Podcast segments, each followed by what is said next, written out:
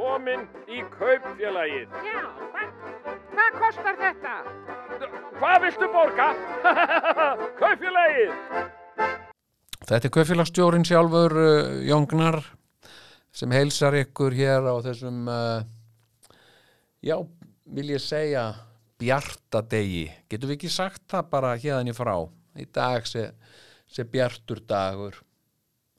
Uh, veturinn er búinn að vera uh, vægast sagt uh, leðinlegur og,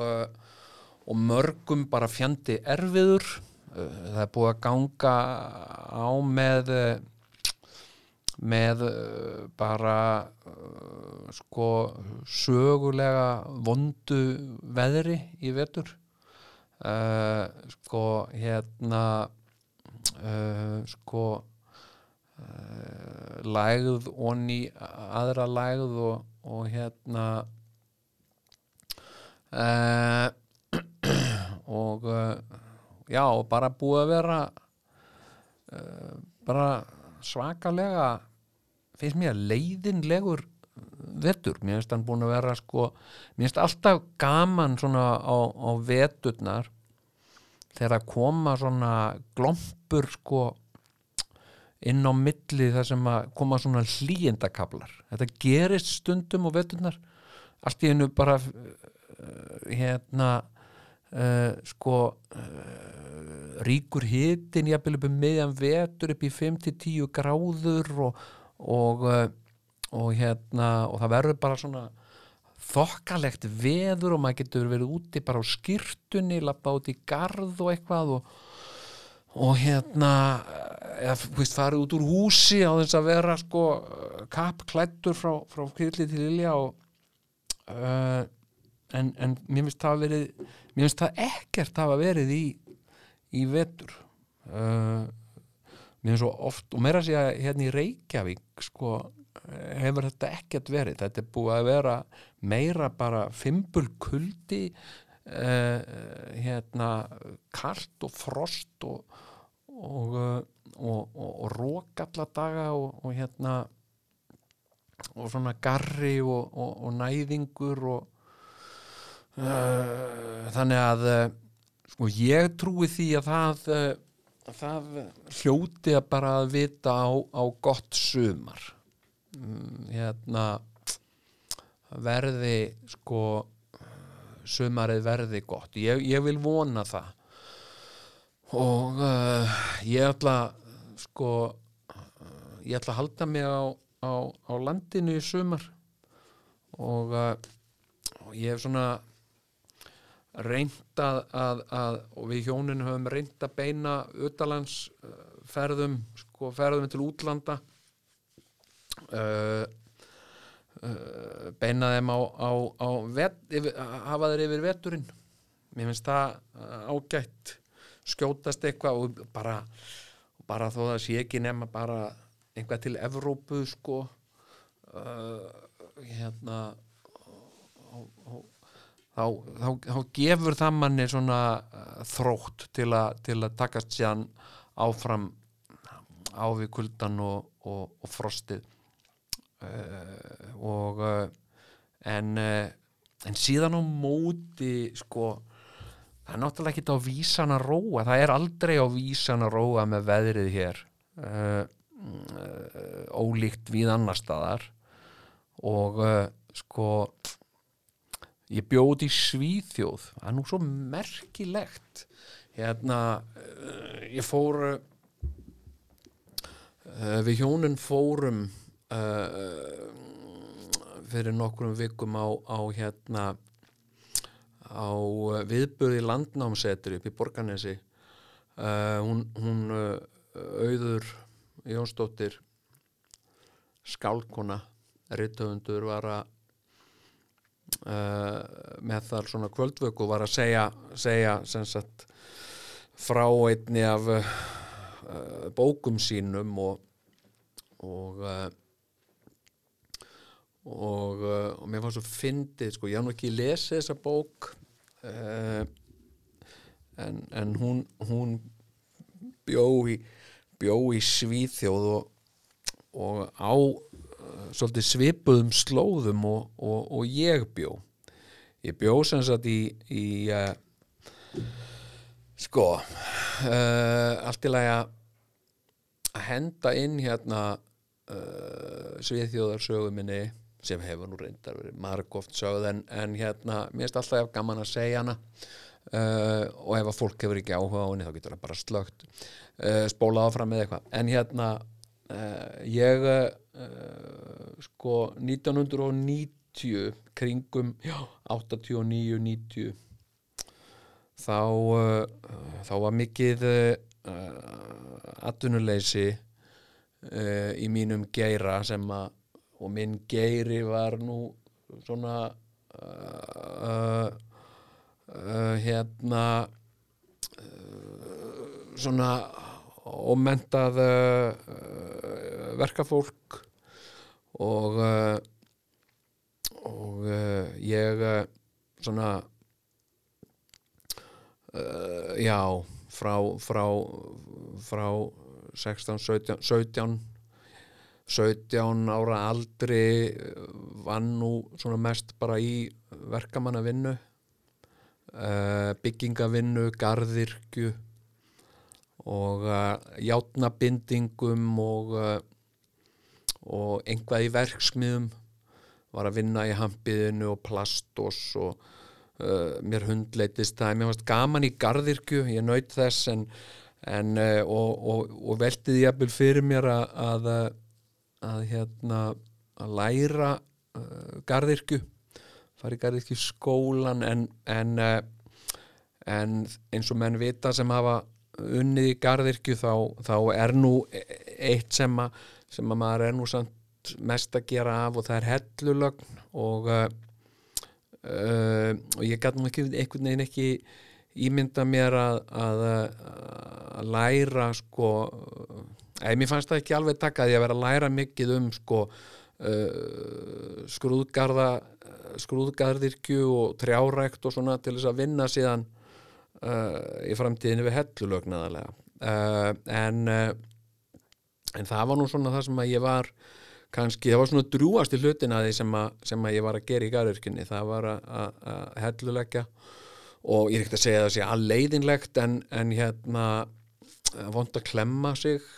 uh, þegar maður er að leggja hellur en, en hérna og uh, hérna uh, og ég get með sko mörg af mínum verkum standa enn í, í hellulögnum uh, til dæmis planið hjá B.M. Vallá sem er sko meir og minna bara úr úr hérna svona uh, litlum steinum hérna, ég held að heiti mér að segja Ford State 2 hérna, ég lagði það ekki einn, ekki einn mínsliðis en, en sagt það var á mínum vegum og uh, og, og síðan eru á og það var annað líka sem að ég fekk mikinn áhuga á í garðirkunni og, og það, eru, það er, var hlæðsla og mér varst alltaf mjög gaman að komast í það að, að uh, hlaða og uh, sko og þá er ég að tala um sko torveggi eða grjót hlæðslu uh, og og ég, ég fekk mikið, mikið svona, mikið áhuga á þessu og reynda að afla mér bóka um þetta og ræða við uh, fróða fróða hérna fróða menn um, um, um hleðslu og, og hitti til dæmis sko, ég var að vinna í, í, í, við grjótleðslu uh, í svartsengi þarna sem að hitta veita Suðurnesja Suðurnesja uh, er. Og uh, sem sagt við veginn og þeir sem, þeir sem uh, þekkja það, þekkja til þar þar sem land skelfur nú þessa dagana. Uh, uh, hérna þetta er nú reyndar falleg saga sko. Uh, hérna þar, er, þar eru hlæðsluveggir sem sagt uh, við ingangin inn á svæðin í Svarsengi, það er hlaðið úr raunni uh, heilmiklar hlæðslur og uh, þetta hlóð ég. Og uh, og hérna svo eru þarna nokkrar uh, borhólur sem eru hlaðnar sem að, að innan með eða voru það, ég ekki hvort það er hljótan að standa, en hlaðnara innan með, með, með raungróti og, og, og það gerði ég. Ég gerði ekki einn míns liðs en, en hérna við vorum, við vorum þrjú sem að voru nú aðlega í þessu og mér finnst það voðalega gaman uh, hérna ég, þar, þar hérna uh, það var nú reyndar sko mm, eftir að ég eftir að ég kom frá uh, frá Svíþjóð. Já, já, ég er að tala um Svíþjóð. Uh, já, það var mikið mikið svona erfitt að fá uh, fá vinnu hér og og, uh, og hérna en það voru uppgrip í Svíþjóð og uh, mikið af Íslendingum sem að voru að fara út í Gautaborgar til að vinna í Volvo-versmiðunum og uh, uh, og fyrir tilstilli uh, kunningjafólks þá uh, sem sagt hérna ákvað ég og, og, og, og, og mín þáverandi uh, þáverandi eiginkona að og við vorum það með tvö börn og að, uh, að freysta gafunar í Svíþjóð. Og, uh, og hérna og það var svona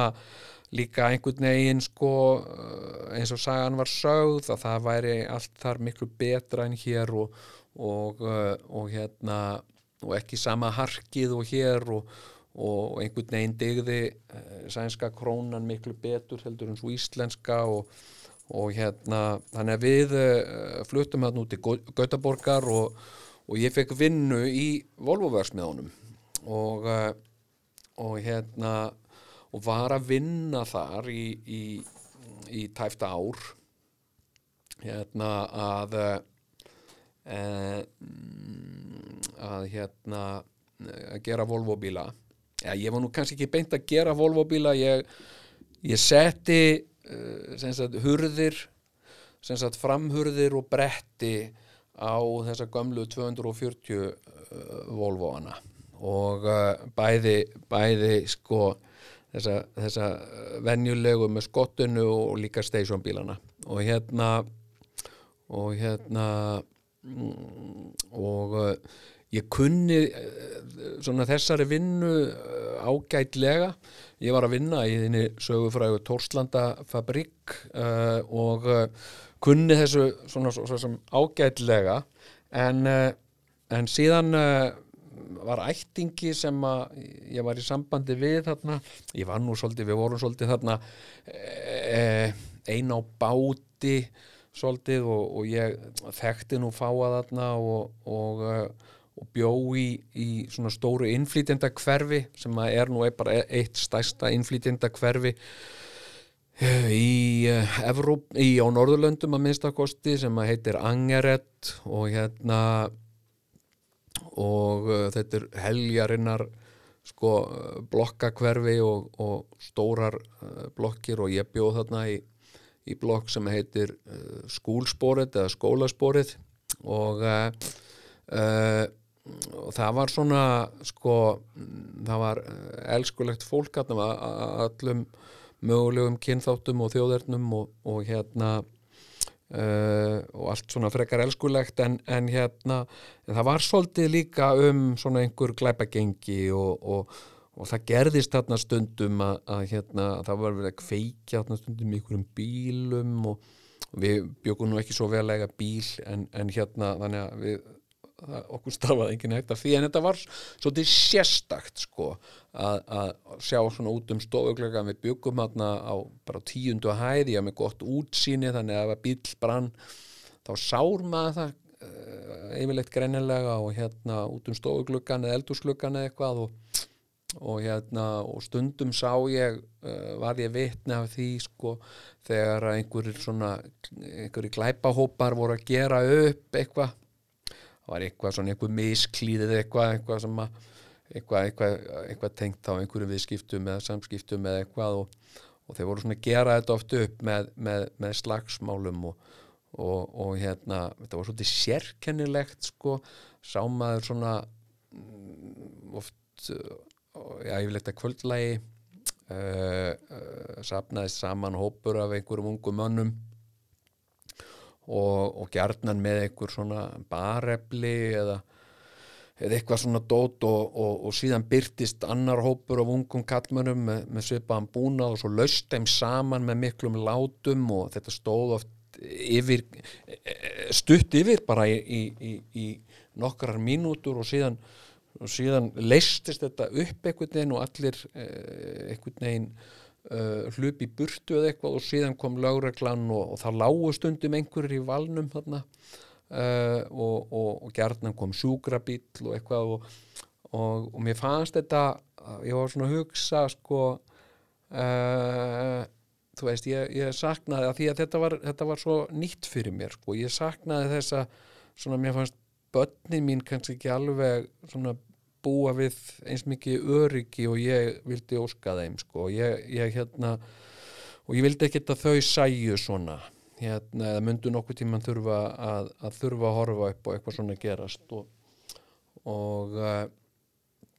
og hérna og síðan hafði ég hérna samband við ættingamenn sem, sem bjó í Norður Svíþjóð og var að reka þar ákveðna starfsemi og með eitthvað svona,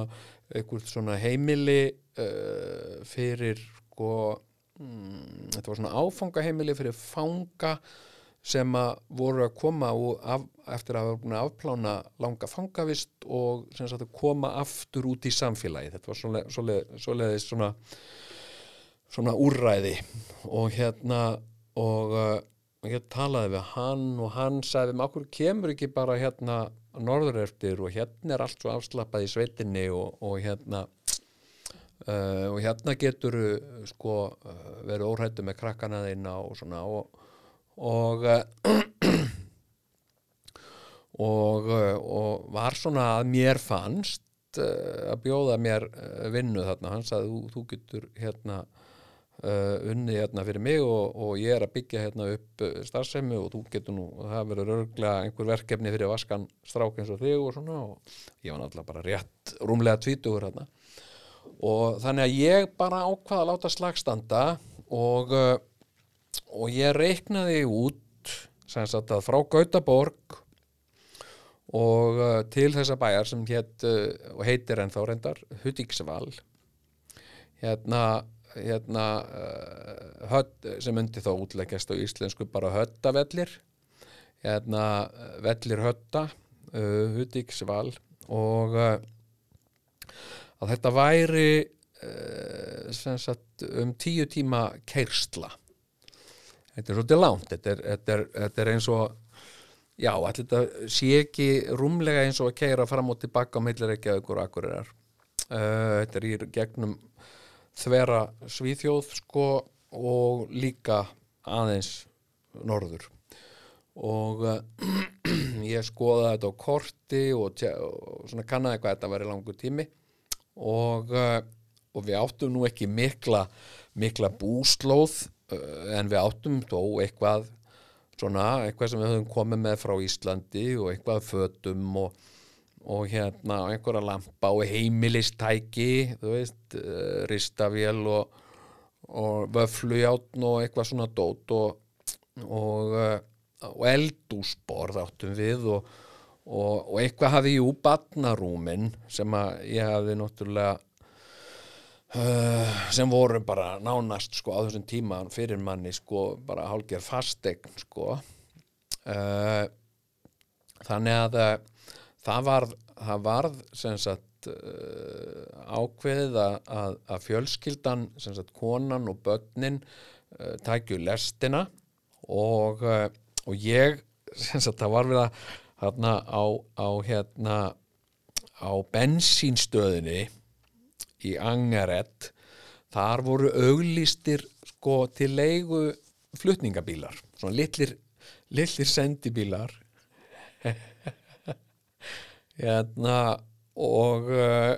sagt, það var sól, voru leiður út sólaring ótakmörkuður akstur og þetta var hugsað svona fyrir fólk til þess að sem var að flytja eitthvað innan Gautaborgarsvæðisins. Og uh, og þetta var ekki dýrt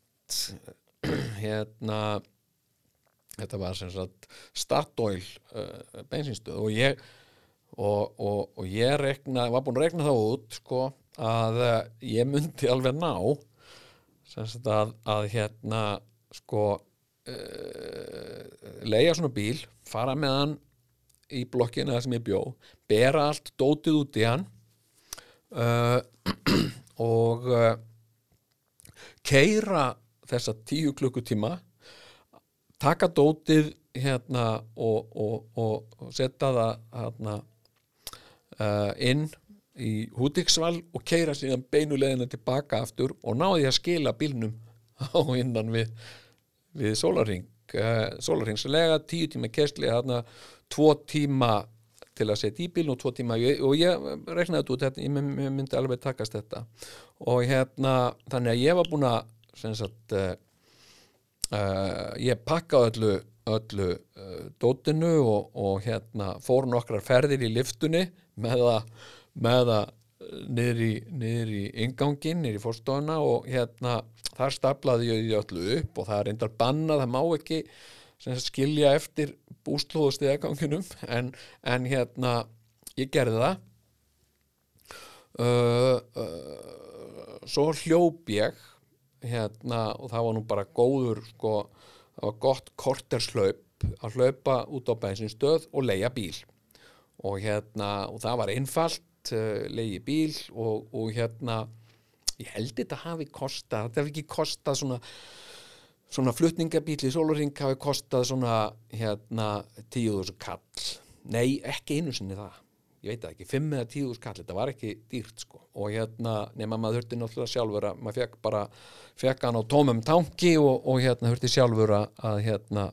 að setja á hann bensín hjá einmitt hjá Statoil. Og uh, og hérna ég leiði bílinn uh, uh, fyllti á hann brunnaði upp í blokkina og, og kerðan eins nálagt og, og leifilegt var og, og flutti hljóp með alla kassana og rúminn og, og, og hérna alla búslóðina í bílinn og hún einmitt smell passaði inn í, inn í bílinn sem var svona millistarðar sendiferðabíl sko, þetta var alveg það mikið sko, mikið af kössum og svona. Og ég náttúrulega alveg sko, hérna, kerði mig áfram í þessu. Og síðan bara brunnaði ég af stað og uh, kerði uh, í tíu klukkutíma striklótu uh, leðina norður og í útiksval fann húsið þar sem að þessi ágætti frendi minn bjó uh, stökk út úr bílnum var um það bíl tíu tíma á leðinni og hérna stökk út úr bílnum og uh, uh, uh, tók allt dótið og fekk að setja það inn í bílskur hjá honum og hérna uh, heilsaði upp á hann frændum, ég hafði aldrei hitt hann sko, þannig ég náði þess að heilsa upp á hann og, og hérna og uh, fekk uh, eitt kaffibólla og, uh, og hérna og síðan var það beinarlega út í bíl aftur og bruna alla leðina aftur tilbaka til, til Gautaborgar og, og það var bara tíu tíma í starklóð þannig ég var búin að í rauninni bara vera í aksjón í heilan sólarring uh, og ég var komin hérna sem sagt ég gerði þetta um morgun. Örgulega bara nýju um morgunin á, segjum á miðugudegi og, uh, og ég var komin aftur til Gautaborgar á um, daginn eftir uh, bara uh, einhvern mann upp úr átta, kannski 20 mínútur úr átta, þannig að, að hérna, ég var verð rúmlega innan, innan 24 tíma og, uh, og hérna skilaði bílnum. Og mér fannst svo fyndi á svo gaman hérna því að líka sem sagt, þegar maður leiði svona bíl þá var tekin uh, kilometrastaðan á bílnum hvað var mikið keirður og hérna og og hérna uh, strákurinn í sem að tók á móti mér hann bara já og kom og tjekkaði á bílnum það var allt í lægi með hann, það var ekkert klestur að neitt og svo tjekkaði hann á stöðinu og kilometrunum og skrifaði það inn. Og svo sá hann kilometrastöðinu þegar ég fekk bílinn og hann varð svo hissa. Og hérna og bara ég var búin að keira þarna ég var búin að ég var búin að keira örglega eitthvað 2000 kilometra eða eitthvað. Og hann bara misti andliti og, og, og, og sagði bara, vá, hvert varst að keira til Hudiksvall, sagði ég og hann var ekki síður hissa þá, sko. En þetta var mjög snuðut hjá mér. Og hérna, og, og þetta var þöruglega til þess að, að leigureglanum hjá þeim var breytt þannig að það var bannað, sérstaklega bannað að keira út fyrir fyrir bæjarmörkin og bílunum. En hérna uh, og þannig komst ég þarna norður eftir og síðan var, reyndist þetta þessi vinna þarna ekkert uh, sem sagt uh,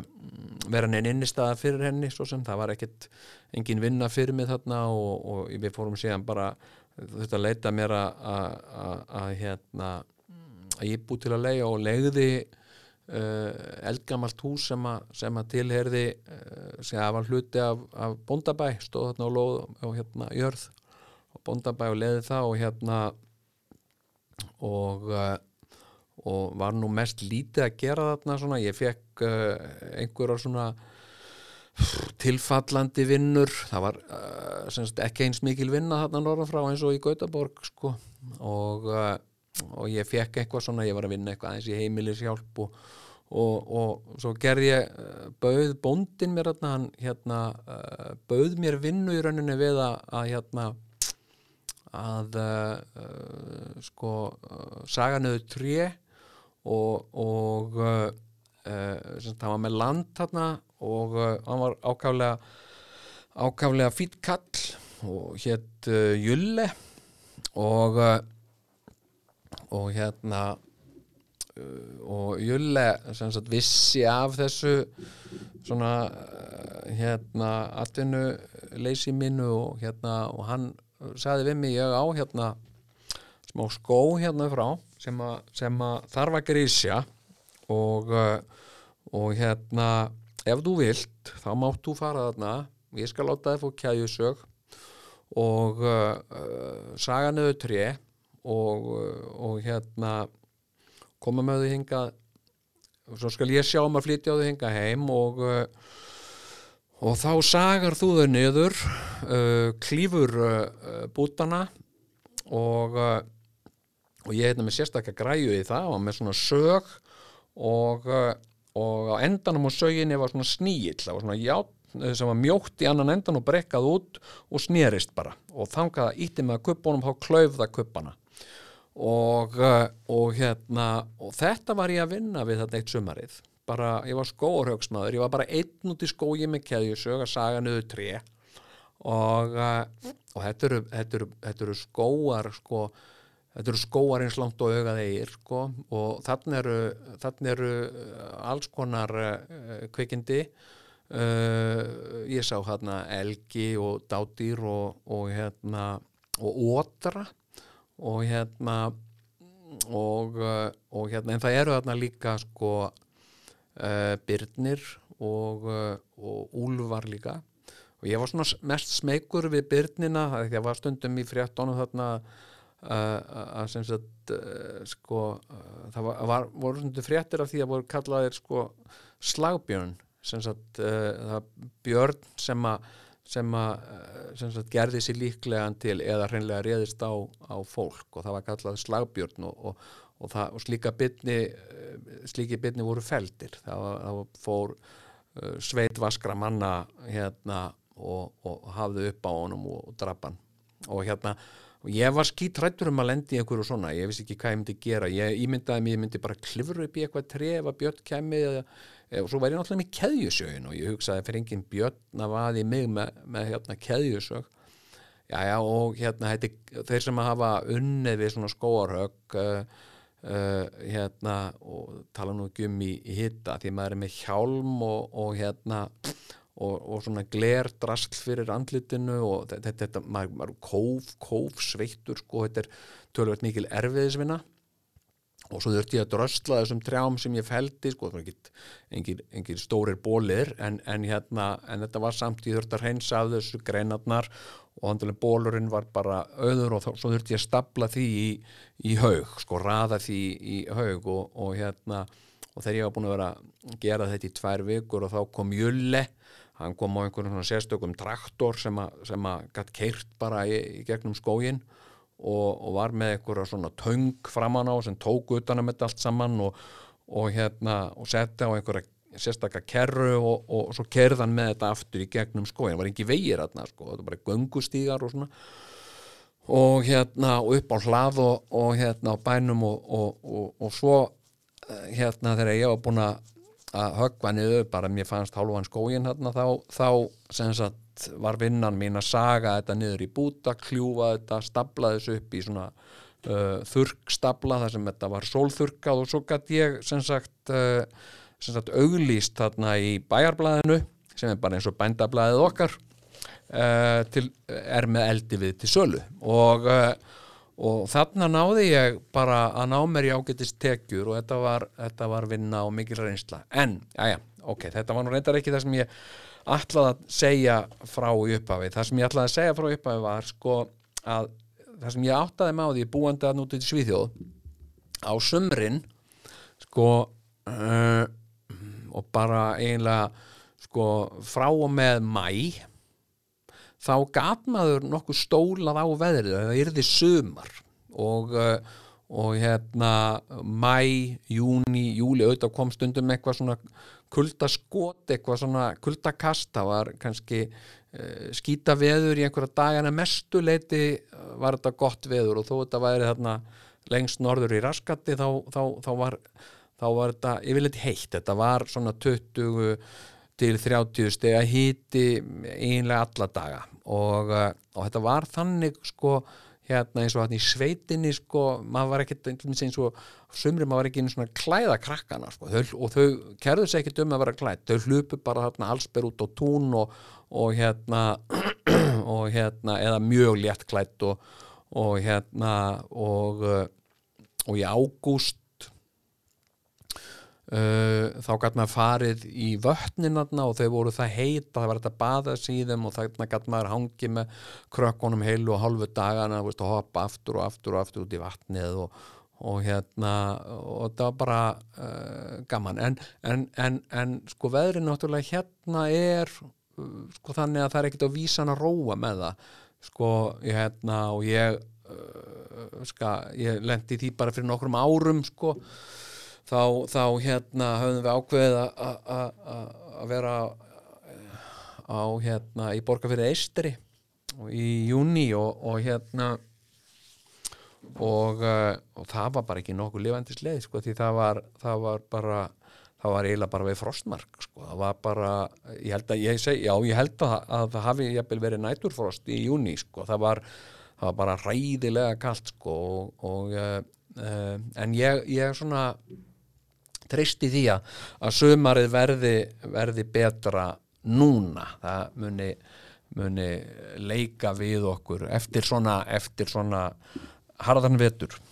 En uh, já já elskutna mínar uh, hjartanlega uh, velkomin í köfélagið og það er ég er með hérna fyrir framann mig brakandi nýtt bændablað og og á forsíðunni er uh, glæsileg mynd af landsliði Íslands uh, sagt í eldamennsku íslenska kokkalandsliðið sem lendi uh, hvorki meira en ég minna en í þriðja sæti á olimpíuleikonum og, og með gullverlun, gullverlun í, í tveimur flokkum sem er alltaf frábær frammeðstaða það er alveg magnað. Við Íslendingar við erum alveg við erum náttúrulega alveg stór merkilegt fólk, sko. við erum 340.000 manns en uh, sko af sko, uh, sko því sem við erum að gera þá mætti halda við værum 3,5 miljón sko við látum til okkar taka í ótrúlegustu íþróttagreinum, við vinnum segra, við erum í í, í, í hérna, verðlunarsætum, í, samkeppnum, í eldamennsku og, og öllum sköpuðum hlutum og hérna uh, og uh, sko erum bara að standa okkur svakalega vel uh, til dæmis í hennum ímsu íþróttagreinum og mér finnst það bara magnað. Fólk er sundum að skammast eitthvað eða, eða svona eins og bara eins og núna um daginn hérna íslenska landsliðið í, í, sagt karlalandsliðið í handbolta uh, var eitthvað að, fatast flugið eitthvað var að tapa leikjum og ég var einmitt að sjá á samfélagsmiðlum að fólk var að, að, sko ekki vanda þeim kveðjurnar sko hérna og var bara að skamma þessu og eitthvað svona og tapa fyrir þessu og eitthvað svona.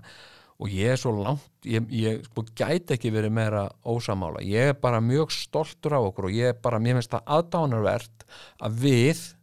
sko ekki skipulaðar en við erum vegna sem við erum ekkert sérstaklega skipulöð við erum ekki svona skipulöð eins og þjóðverjar til dæmis, en bara að við getum skipulagt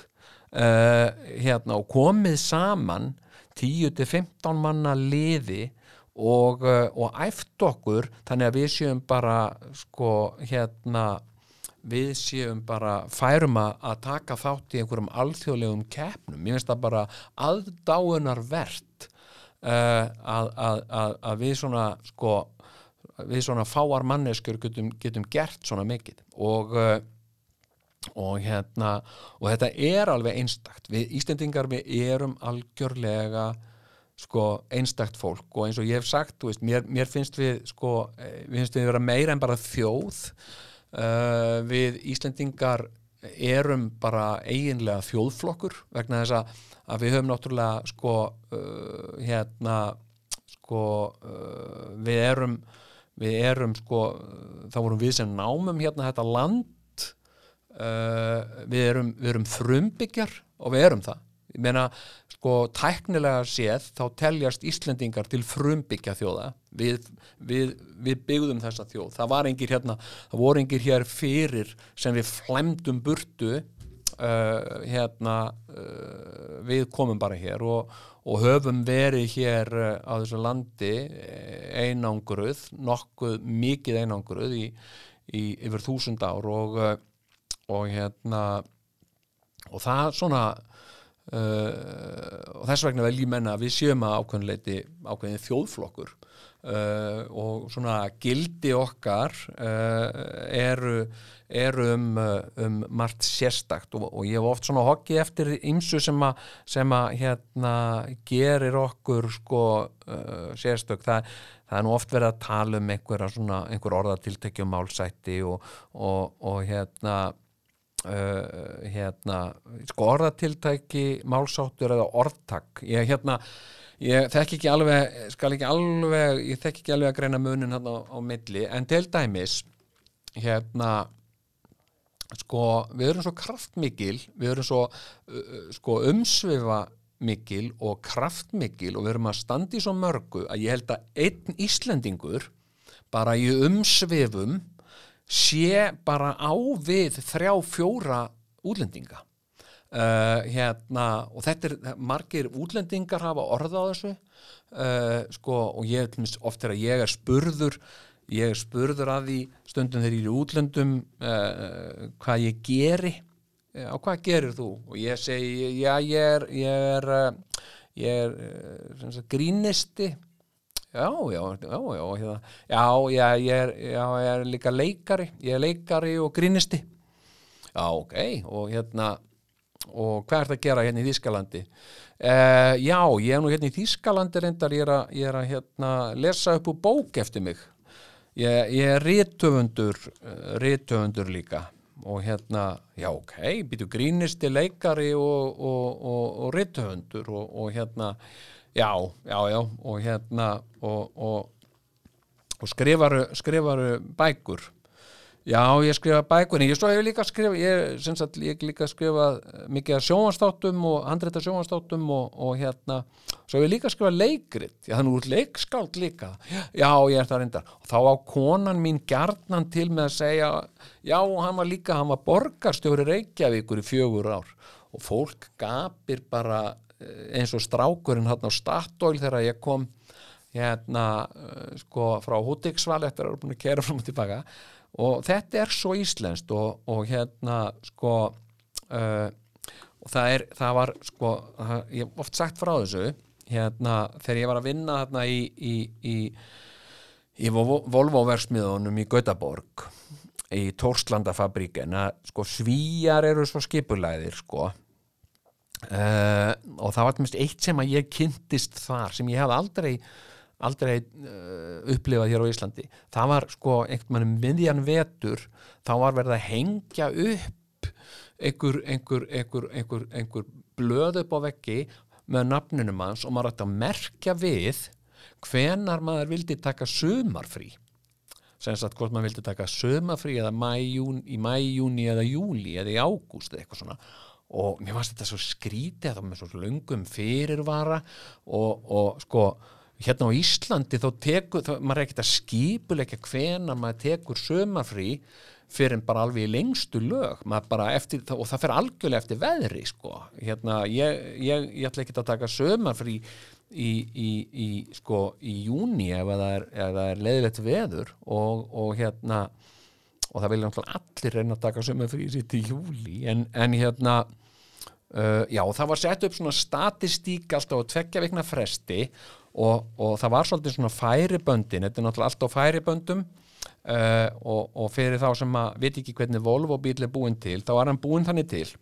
að uh, það er laungverksmiðja sem heitir Tórslandafabriken Tórslanda uh, Þórslandsverksmiðan og í,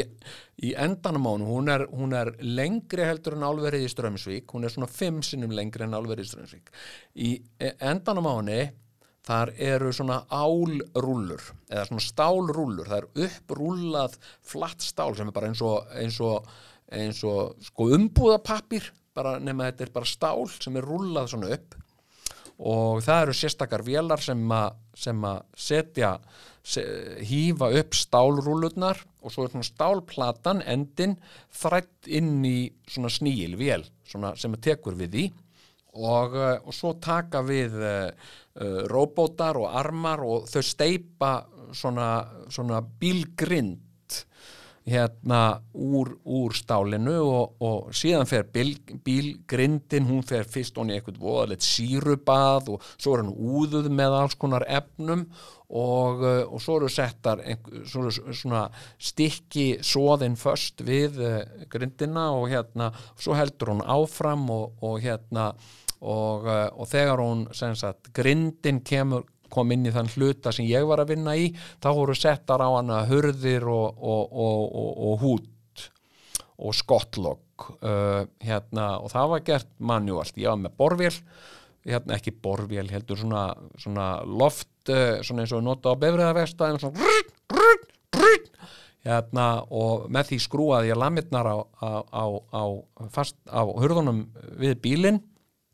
og þetta var að passa og ég var að mæla þetta var alveg, alveg hárið gert og, og, og svo sett ég brettið og, svona, og svo í næstu deild þar, þar kom einhverjur og setja stuðaran á og allt lullar þetta eftir færibandi og þannig að stálrúla á svona einum degi sagt eh, eftir að lulla í gegnum versmiðuna bara eftir færibandi eða færiböndum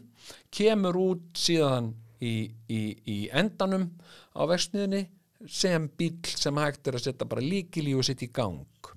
Og, eh, og hérna og það er náttúrulega gríðarlega mörg handverk unnin hérna á leðinni og uh, og það var svolítið þannig að, að sko þegar að Íslendingur sem sagt uh, var ráðinn þarna, þá var hann gerðan settur á færiband þar sem voru aðri Íslendingur það auðveldar samskipti og svona. Þannig að það voru svona svolítið þjóðskipt færiböndin, það voru náttúrulega svíjar hann út um allt en svo var eitt sko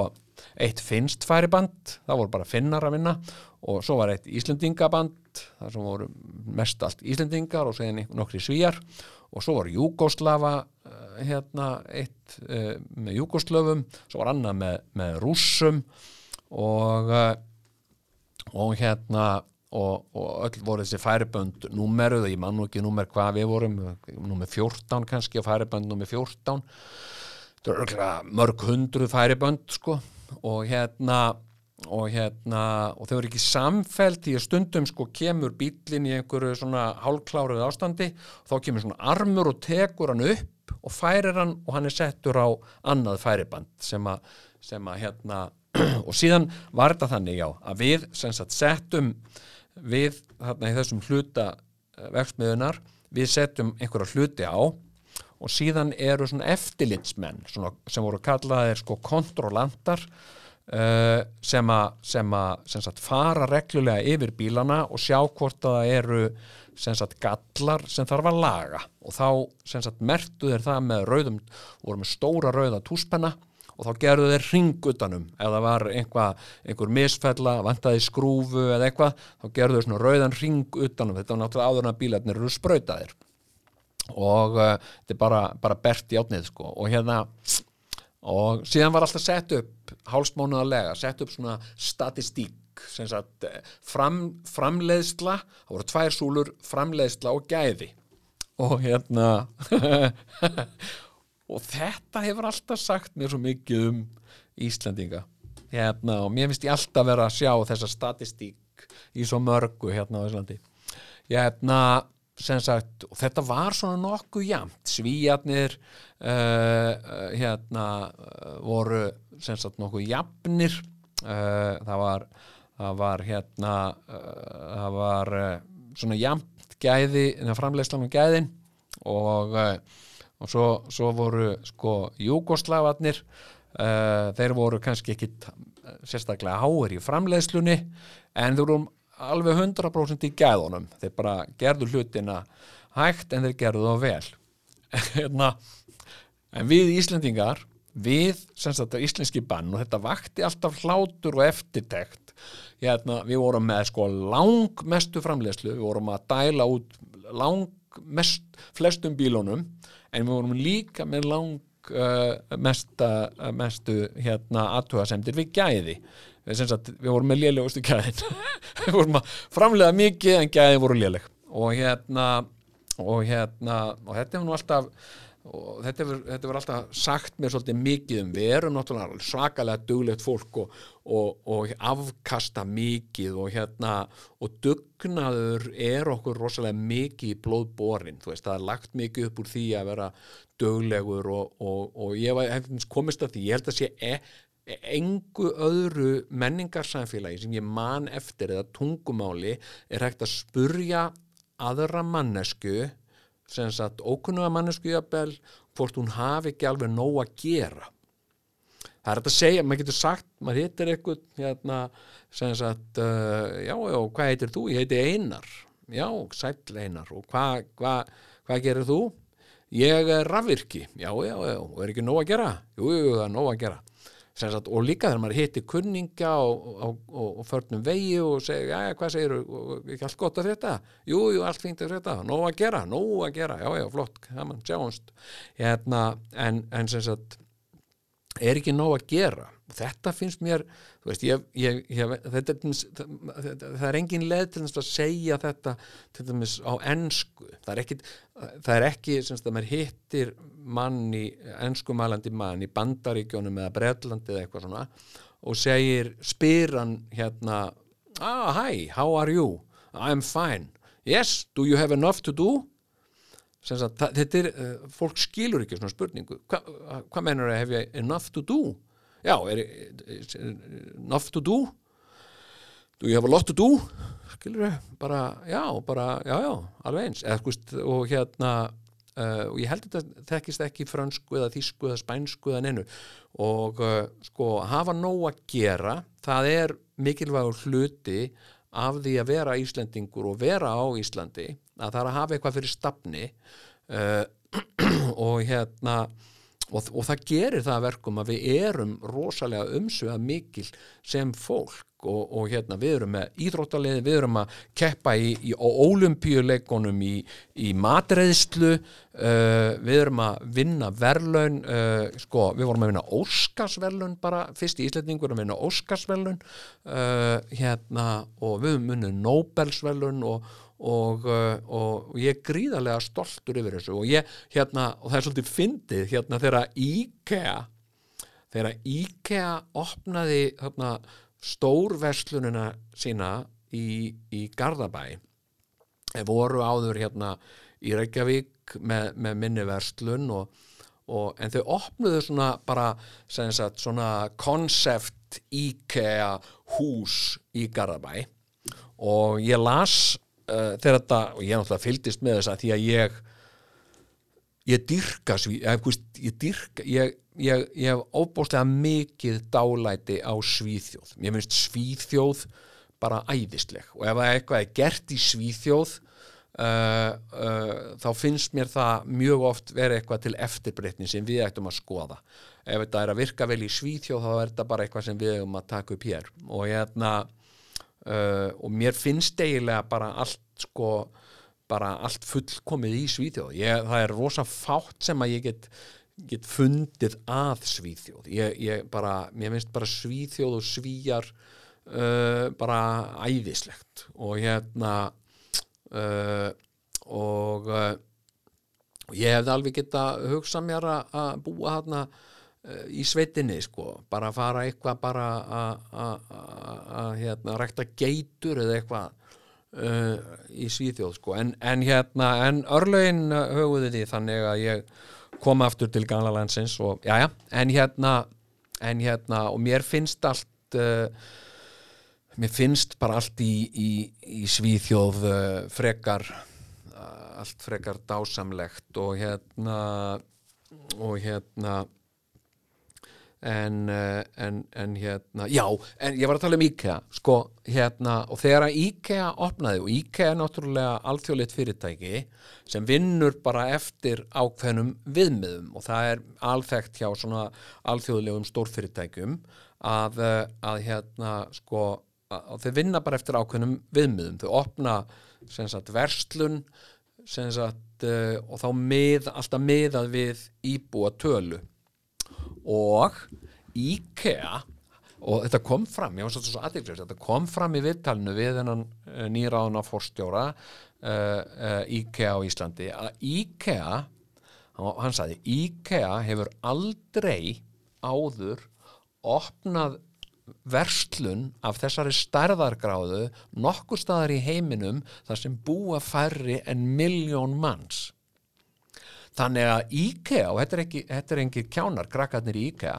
uh, þau voru búin að koma hérna þau voru búin að fylgjast með okkur uh, öll í, í, í, einhverjum uh, tveimur, þreimur vinnum og með veist, átta áhuga mál og, og, og, hérna, og líka eitthvað að semja tónlist og líka skrifa eitthvað og eitthvað. Og hérna, það var ekki fyrir þau sagt, þau brutu þessa tömarputta reglu þegar þau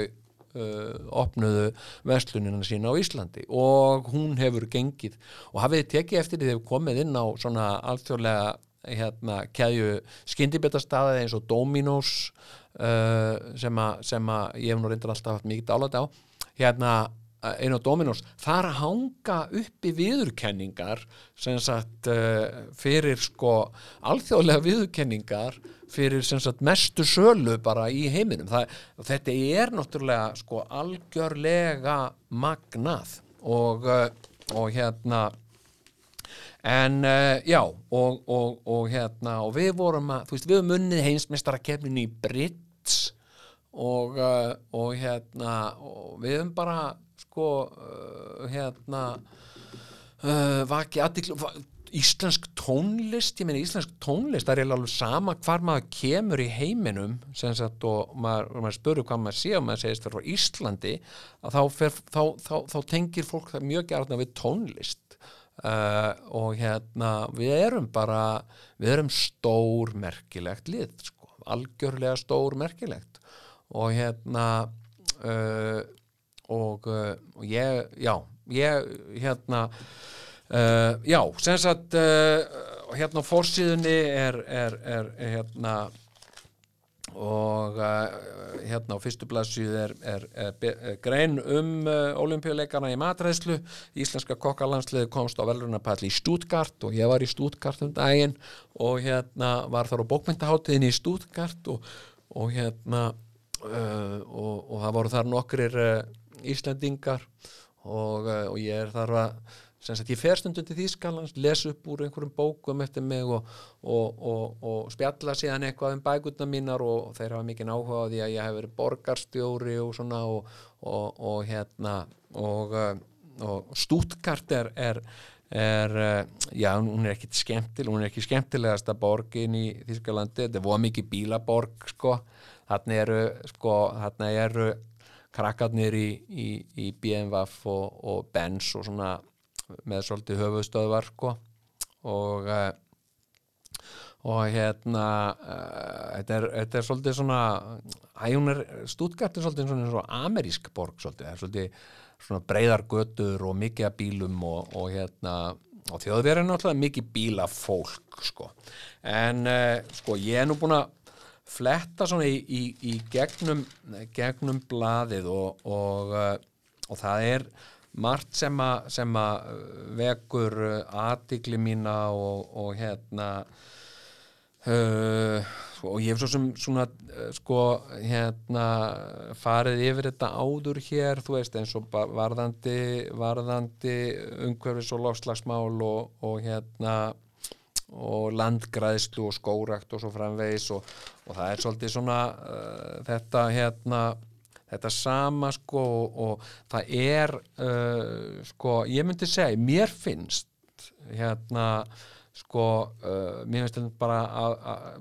eins og fram hefur komið, ég er mikill áhuga maður um umhverfismál og mér finnst það bara að vera áhuga samur um umhverfið sitt, mér finnst það bara heilbrygt og eðlilegt að vera áhuga samur um umhverfið sitt og að umhverfum hans sé eins eins gott og heilbrygt og hægt er. Og, uh, og hérna og mér sko að, að í gegnum árin að, fletta fjöl, fletta blöðum eða, eða eitthvað svona þá hérna finnst mér vera langmesta meðvitundin og svona vitrænasta umræðan um þessi mál í bændablaðinu. Og ég, ég hérna uh, líka engu um það. Uh, hérna uh, og hérna þetta með sko uh, það er verið að móta hér umhverfi stefnu fyrir íslenskan landbúna sem er frábært og, uh, og, og það er komin út hérna, ný skýrsla um bændur og náttúruvernd og þar kemur skýrt fram að það er vilji bænda á Íslandi að vilja leggja alúð við umhverfi sitt. Það er fólk sem skilur það að, uh, að, hérna,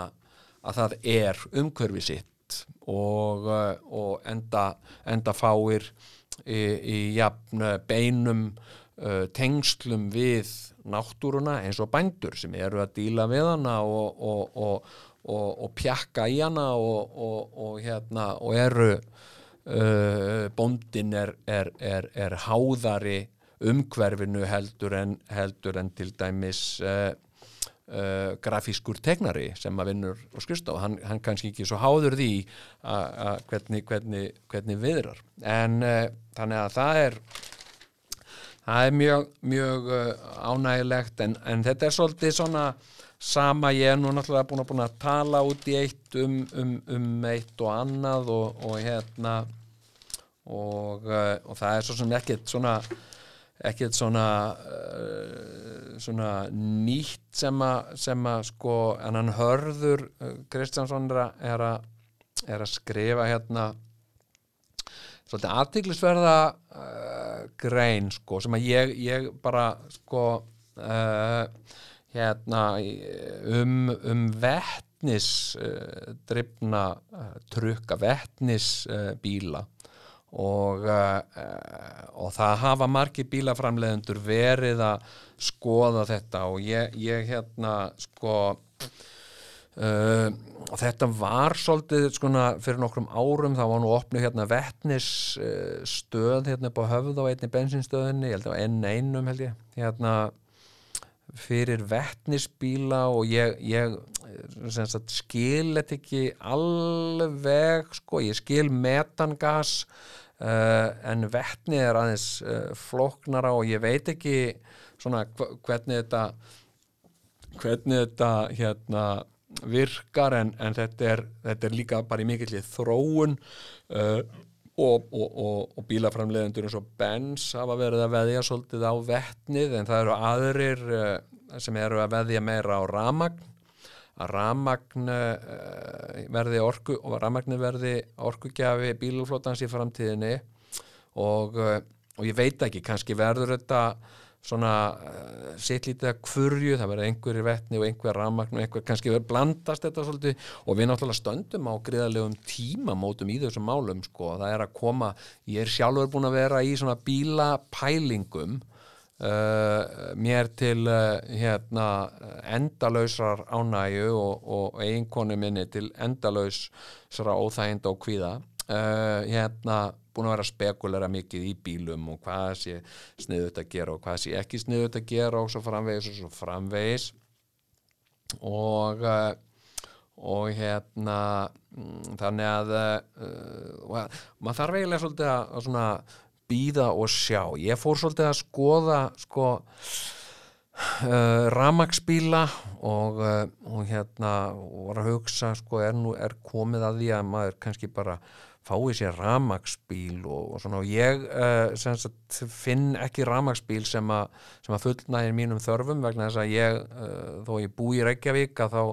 þá uh, er mitt annað heimili upp í borgarfyrði og, og ég þarf að komast þangað uh, reglulega hratt og, og, hérna, og ég vil líka verða að skoða sko, hvað uh, frost hefur mikil áhrif á að syns, kuldi og frost hefur mikil áhrif á, á endingu sagt, batterija það getur dreigið hana niður töluvert mikið og, og mér finnst þetta ekki alveg komið á þann stað að ég geti gert upp hugminn og sagt já, nú ætla ég að eigða sko öllum spari penningnum mínum hérna í, í ramagsbíl, það er eina viti ég bara er ekki alveg komið þángað sko og ég náttúrulega hérna uh, er líka talsmaður lestarsamgangna á Íslandi og, og hérna uh, og hérna og hef, hef rætt um það en, en blaðið er uh, sko hérna uppfullt af alls konar aðtiglisverðum hérna uh, greinum um henn ímsu ímsu mál og hérna er uh, vilmundur uh, með, með eina af sínum ágætu ítarlegu greinum um, um svona einhver furðuleg matvæli og, og hann er núna að fjalla hérna um kassjúnhetuna og, og hérna sem er stórmerkilegt, ég með það er allt, það er svo margt sem er svo stór stórmerkilegt eh, og hérna og svo er eitthvað svona hérna um, um, eh, um ær og kýr uh, og hér er uh, sko sagt uh, fræðasettur um um, um fóristufjö og,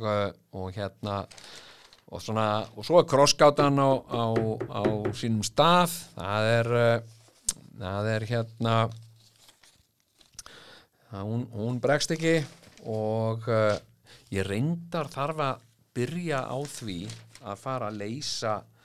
krossgátuna og hérna en uh, uh, ég, hann er þá hátniðar á sínum stað og svo er hér glæsilega uppskrift af, af lambalundum með viski og hlinsírópi og, og síðan eru smá auglýsingarnar á sínum stað og það er svo sem ekkert í smálisingunum sem að svona uh, sérstaklega vekur aðtikli mína, það reyndar ein hérna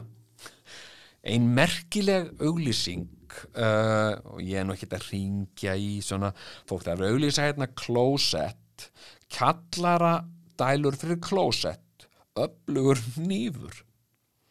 mótorar staðsettir fyrir utan votrými, intak fyrir vask, sturtu, baðkar margar stærðir sem henda fyrir íbúðar og atvinnuhúsnaði ok, þetta er sem sagt klósett til að setja í kjallara þannig að setja dæla uh, klósettvatninu uh, burtu og uh, sem sagt viljimaður viljimaður setja klósett í kjallara. En af hverju þarf maður öllu að nýf hvað hérna, hérna semst ef að ég væri hérna einhver stáður, ég segi hérna fyrir ekki, má ég nota klósettið það er já, það er bara hérna niðurstegan það verður með klósettið í kjallaranum. Já, einmitt, já, heyrðu, ok, ekkert mál. Ertu með nýf á þér? Með nýf, nei, ég er ekki með nýf nei, heyrðu, látið manni fá nýf hann þarf að komast um klósettið og, og hérna, og lítar svo á mig lítar svo áttur, láta hann hafa öfluga nýf hérna, ég, ég þú veist, auðvitað, þú veist, ég væri þó ekki væri nema til bara, ég bara ég, ég kann það ekki. Ég, ég, ég sitt hérna eh, einn, hann Tjörfi sem að sem að er nú yfirleitt með mér hérna á tækniborðinu. Hann sá sér ekki fært að, sitja hérna. Eins og honum finnst nú ofbóslega gaman að hlusta á röflið í mér. Mér finnst það í rauninni stór merkilegt uh, hérna að, uh, að fólki finnist sko uh, gaman að, að hérna uh, að hlusta á röflið í mér. Mér finnst það hérna sko mér finnst það stór merkilegt hérna og stundum þegar ég hlusta á upptökur ég stundum sko hérna fæ ég hendurnar gamlar upptökur með tvíhöfða og uh, og hérna og uh, og ég er stundum að hlusta á þetta að leita einhverju svona fyndnu sem að hægt væri að, að jafnvel að gefa út á einhverju, einhverju formi og hérna og þá er ég stundum að hlusta að þetta er að lappa með hundin og svona eða einhverjum göngutúrum og, og er hlusta á sjálfan mig þvaðra og bladra alveg út í eitt og ég að djöfull getur þvaðrað maður. Og hérna og hérna þannig að ég undra mig á því, á því sjálfur. En ég menna þetta er bara vá! Hérna eru sko dráttavélar. Þetta er náttúrulega ekki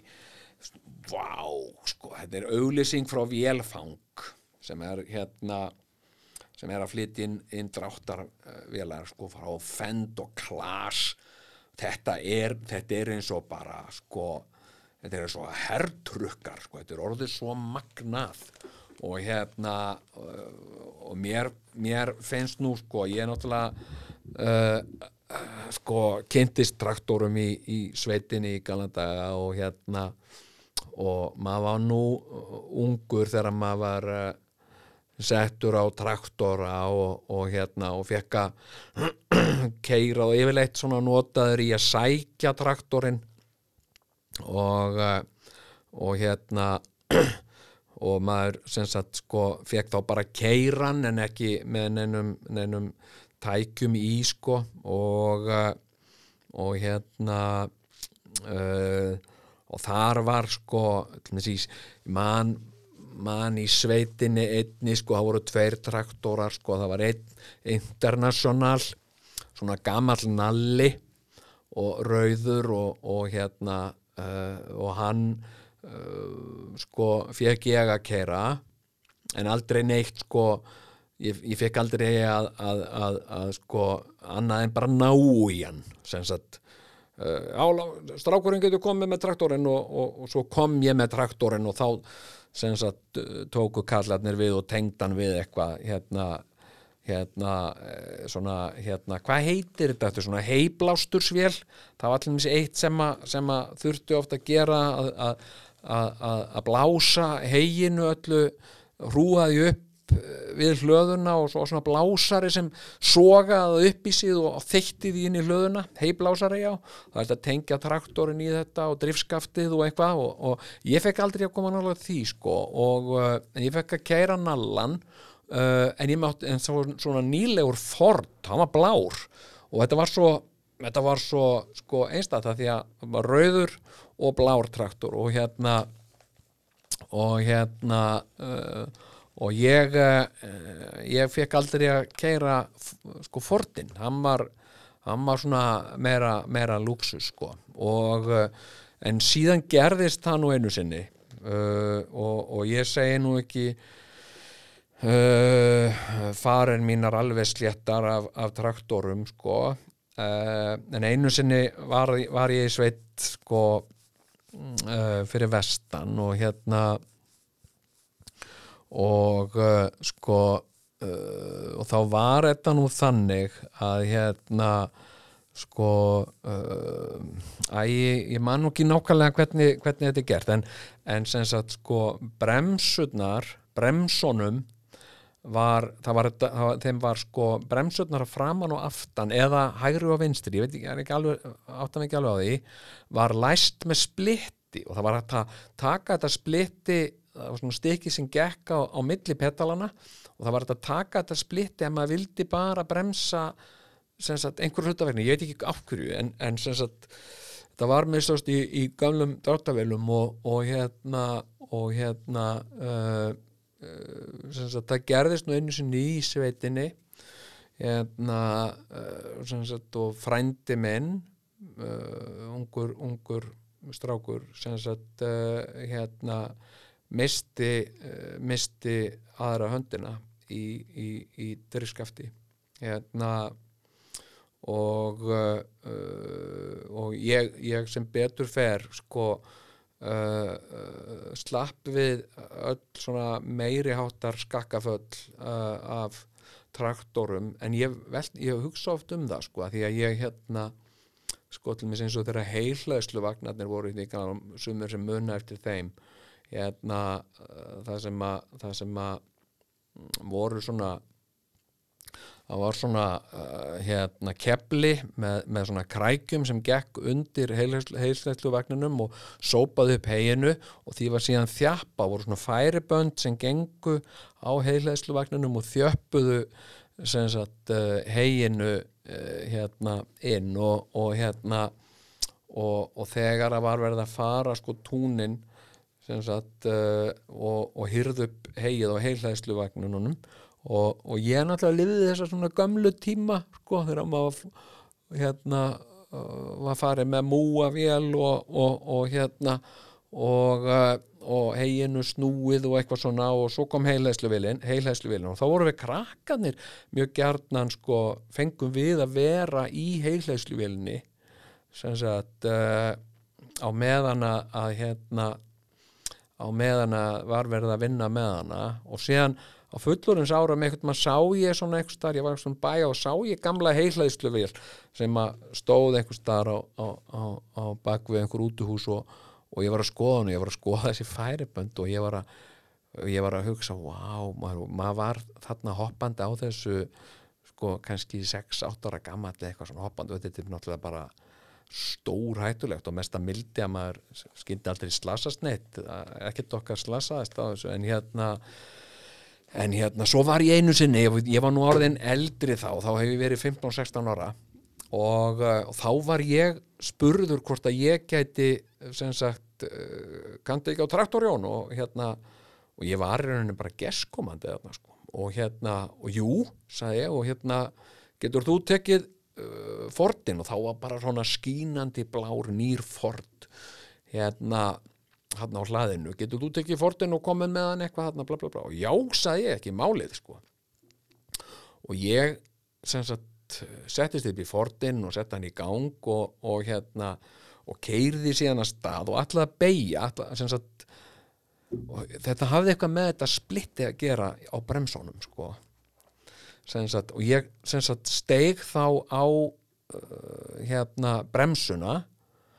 og uh, semst hún virkaði ekki. Það var bara, það var bremsulös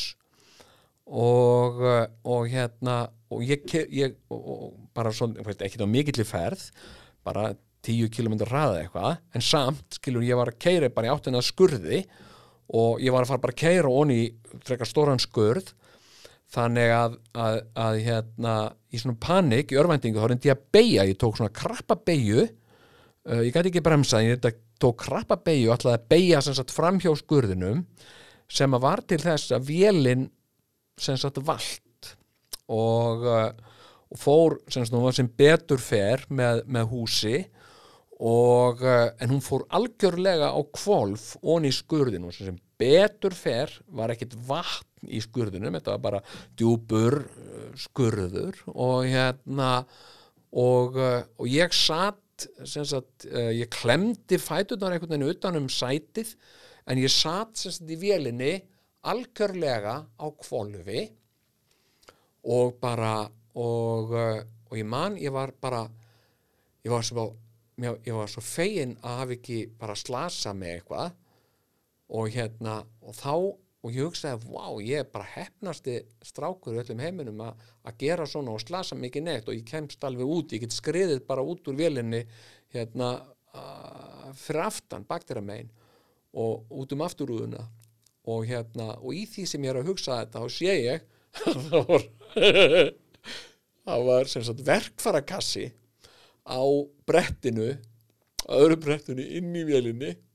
og hérna fullur af af uh, hömrum og einhverju drastli og hann ég sé hann og svo opnaðist hann. Og allt játna drastlið, hamrar og eitthvað drastl hrundi alltaf á hausin á mér og hérna og, uh, og ég var nú bara svolítið slasaðar eftir það. En, uh, en hérna síðan, síðan var ég að vinna síðan var ég að vinna setna hérna var ég að vinna á Setor og upp á Kjálnesi og, og hérna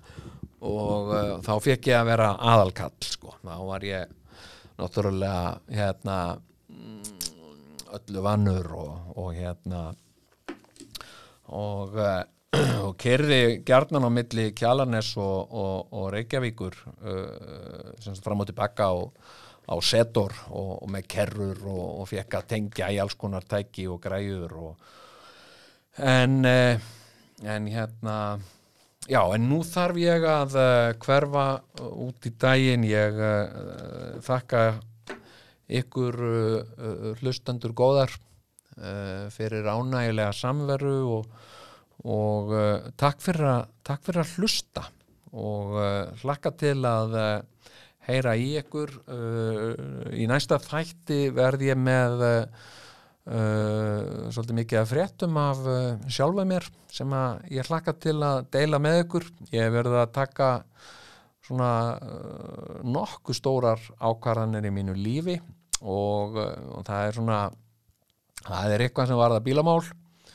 og ég hef verið að skoða lítið í kringum með eftir bíl og, og hvað hva ég sé að fara að gera í þeim málunum og hérna og uh, og hérna uh, ég uh, er líka að, svona taka stóra ákvörðun sem varðar framtíðina mína sem ég langar að að deila með ykkur í næsta þætti. En, en uh, þanga til lifið heil og fariði uh, vel með ykkur og, og hafið það sem best Velkomin í kaupfélagið. Já, hvað, hvað kostar þetta? Hvað viltu borga? kaupfélagið.